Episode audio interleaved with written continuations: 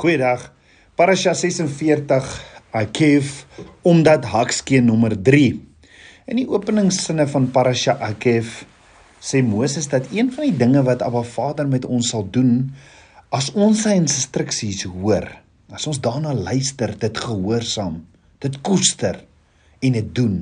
Met ander woorde in Hebreë, as ons dit shama, shamar en asa is dat hy ons sal lief hê.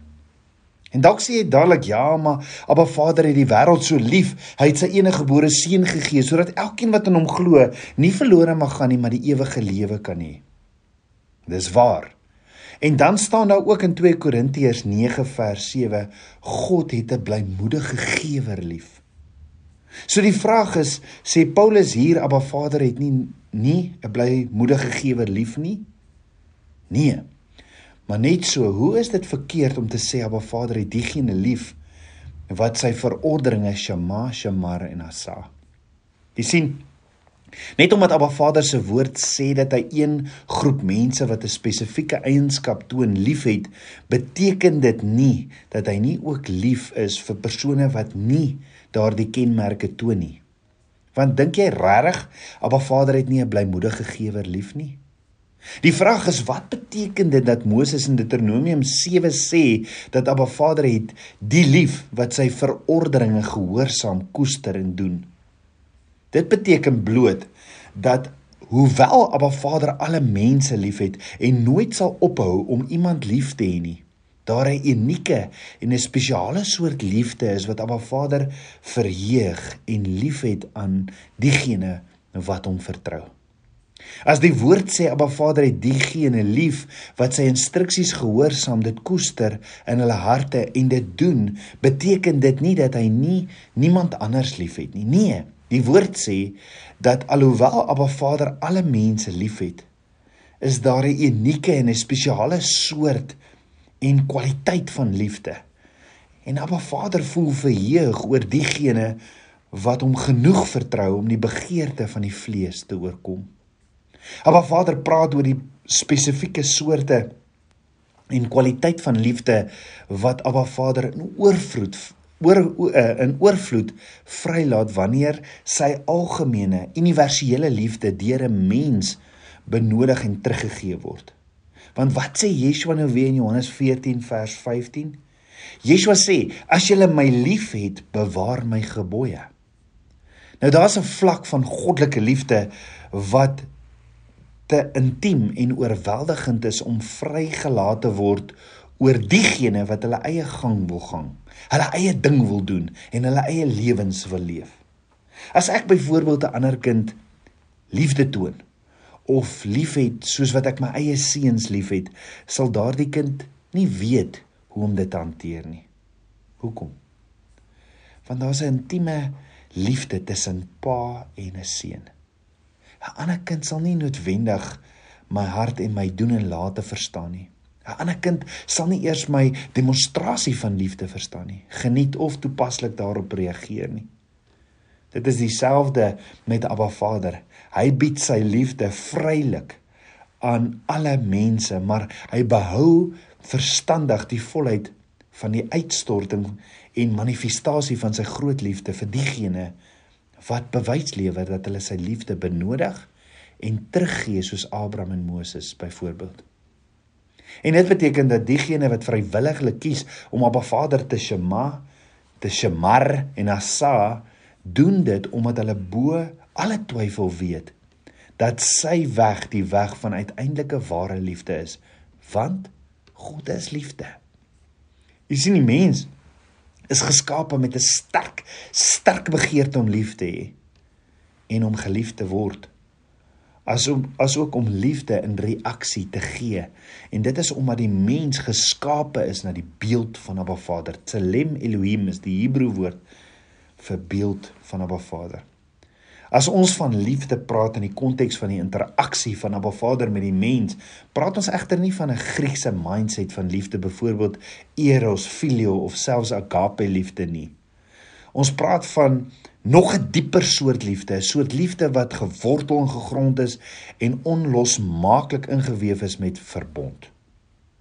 Dis die soort liefde waarvan waarvan Moses praat in Deuteronomium 4 vers 32 waar hy sê en omdat hy jou vaders liefgehad het en hulle nageslag nageslag na hulle uitverkies het en hy self jou deur sy groot krag uit Egipte uitgelei het omdat hy julle vaders liefgehad het. Met ander woorde dis nie dis nie onvoorwaardelike liefde soos waarvan ons praat nie. Dis 'n onstuitbare liefde.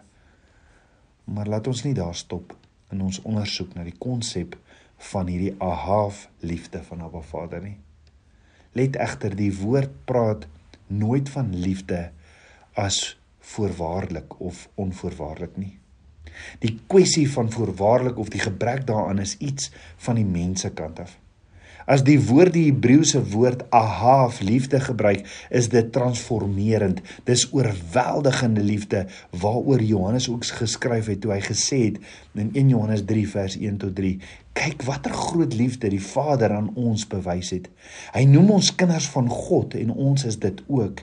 En die wêreld ken ons nie omdat dit hom nie ken nie. Geliefdes, ons is nou reeds kinders van God." Dit is nog nie geopenbaar wat ons sal wees nie, maar ons weet dat wanneer Yeshua kom, ons soos hy sal wees en ons sal hom sien soos hy werklik is. Elkeen wat hierdie verwagting in verband met hom koester, hou homself rein soos Yeshua rein was en is. Nou wat 'n soort liefde is hierdie Ahav liefde? Ahav beteken letterlik to pant after of met 'n begeerte na toenemende betekenisvolle en gereelde interaksie en met maksimale vlakke van intimiteit in alle toepaslike forme. Die eerste keer wat die woordjie haaf in die woord gebruik word is in Genesis 22 vers 2. In daardie vers gebruik Abba Vader ahaaf liefde om die aard van Abraham se diepe gevoelens van nabyheid en toegeneentheid vir sy seun Isak te beskryf. Dis 'n saak van verbondsverbinding. Die volgende gebruik van 'n haaf in die woord is in Genesis 24 vers 67. Daar gebruik die woord 'n haaf om Isak se passie vir sy nuwe bruid Rebekka te beskryf. Dis 'n ewige verbondsliefde. Net uit hierdie twee gebruike van die woordjie afhaaf kan ons sien dat die soort liefde verwys na 'n hartstogtelike, diepgesette soort liefde wat jy voel vir iemand wat die belofte van die vervulling van jou diepste begeertes voorstel. Onthou Abraham het vir 100 jaar gesmag na 'n seun en erfgenaam en het baie hartseer tydens sy verlange beleef. Isak was die vervulling van sy droom. Hy het hom geahaaf en niks en niemand het dit versper of geblokkeer nie. Hy het niks teruggehou vir sy liefde vir Isak nie.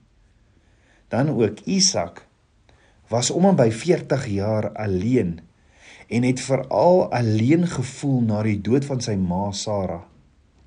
Hy het 'n hartsbegeerte gehad vir 'n vrou soos Rebekka. Soos Abba Vader sê dat hy ons sal ahaaf, is dit daarom geen geringe ding nie. Dis nie 'n geringe saak nie. Die liefde vir die Skepper van die heelal is veel, veel meer as 'n godsdienstige klise. Sy belofte is om te ahaaf, lief te hê, beteken dat hy daartoe verbind is om in ons te sien en te kweek en sodanige bronne en energie te belê as wat nodig is om die uiteindelike metgesel na wie hy in die ewigheid verlang het uit te bring. Rebekka het 'n sak het Isak se hart gesteel, sy die vervulling van sy intense begeerte na 'n bruid geword. Hy het haar 'n ahaaf of liefgehad en beskerm soos die appel van sy oog. En sy siel het met haar gebind en hulle het een geword. Met ander woorde dit beteken dat Abba Vader oor ons sal juig en doelbewus sy verhouding met ons as sy gunsteling en mees vervullende verhouding sal kies. Dit beteken dat hy aggressief sal streef na intimiteit, nabyheid, samesyn en voortdurende aksie interaksie met hom. Hy streef dat ek en jy daardie liefde vir hom het en sodoende 'n diep volgehoue band met ons eh, wil vorm en smag om met ons te kommunikeer. Hoe onsagwekkend is dit nie? Hoor gou-gou. Dit is die tipe verhouding wat Abba Vader met jou wil hê, tabernakelskind van Abba. Dis die verhouding waarna Abba smag. En die vraag is, wil jy meer as net 'n Sondag kerk toe gaan verhouding met Abba Vader hê? Het jy diep soeke na die tipe verhouding met Abba Vader, want hy soek so een met jou waar waar hy jou sy geheimenisse leer. Waar jy sy stem duidelik hoor en Shema, Shemar en Asa soos Abraham en Moses. Dis 'n dis 'n diep verhouding met Abba Vader. Nie om mense te impres met jou gawes nie. Nee, dis waar jy alles wat hy vir jou sê doen want dit is 'n haafliefde wat jou daartoe dryf. Dis die tipe liefde verhouding wat Paulus ook ervaar het want hy skryf in Romeine 8 vers 38 tot 39 hiervan is ek oortuig geen dood of lewe of engele of magte of teenswoordige of toekomstige dinge of kragte of hoogte of diepte of enigiets anders in die skepping kan ons van die liefde van God skei nie. Die liefde wat daar is in Jesus Christus ons Here. Hoor gaga die geheim van so 'n onwrikbare band van liefde met Abba Vader word nie gevind in 'n oomblik se gefluister van 'n sondaar se gebed nie. Nee. Die geheim van die ontvangs en wandel in die haaf soort liefde en kwaliteit van goddelike liefde vind ons daarin om die liefdevolle vooruitgang van Abba Vader op die mees natuurlike manier moontlik te maak en terug te gee. Deur sy hand met vreugde te neem en hom toe te laat om te doen wat hy sê. Om sy geliefde te wees wie hy sê sy geliefde sal wees en wat die soort nederige onselfsugtige wyse wêreldveranderende leefstyl sal leef wat hy sê sy geliefde moet leef. So is Abba Vader lief vir almal. Natuurlik is hy. Hy het elkeen van ons geskape met 'n spesifieke doel. Is Abba Vader se liefde willekeurig, voorwaardelik of onafhanklik of of afhanklik van werke van die vlees? Nee, natuurlik nie. Maar Abba Vader se woord maak dit baie duidelik dat hoewel Abba Vader as die Skepper elke mens in 'n algemene universele sin liefhet, is daar tog 'n unieke en 'n spesiale soort en kwaliteit van aggressiewe, aktiewe, verbondgebaseerde ahaafliefde wat Abba Vader gereserveer het vir diegene wat hom genoeg vertrou om die begeertes en die prioriteite van die vlees op skei op sy te skuif. Hulle tyd en energie oor te gee en hul passie om deel te neem om hand aan hand saam met hom te wandel en sy lewensinstruksie, sy wette langs die pad te Shema, Shemar en Asa. Nou die soort liefde waarvan die woord praat, sien jy in Deuteronomium 7 vers 13. En dit is die soort en die kwaliteit van liefde wat Abba Vader verlang met jou tabernakelskind van Abba. Abba Vader is op soek na intimiteit met jou. 'n Haaf liefdesband met jou. En die vraag is: is dit die verhouding wat jy tans het met Abba Vader? Hoor jy sy stem? Is jy so lief vir Abba Vader om hom wat ook al hy vir jou sê te shema, shemar en asa? Kom ons bid saam. Abba.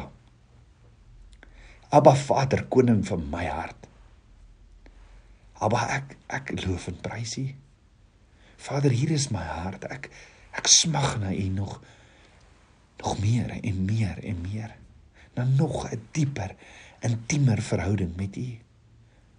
Waar ek U elke woord hoor. Shema, Shemar en Asa. Papa God, ek wil U stem hoor, daarna luister, U stem, U woord gehoorsaam, dit koester en dit doen want ek is so lief vir U. Vader, was my met die waterbad van U woord. Kom verander my, transform my en leef vir my. Net U wil, my Abba, net U wil. Ek bid dit alles in Yeshua, Hamasiach se naam, die seun van Jahweh. Amen. Shalom.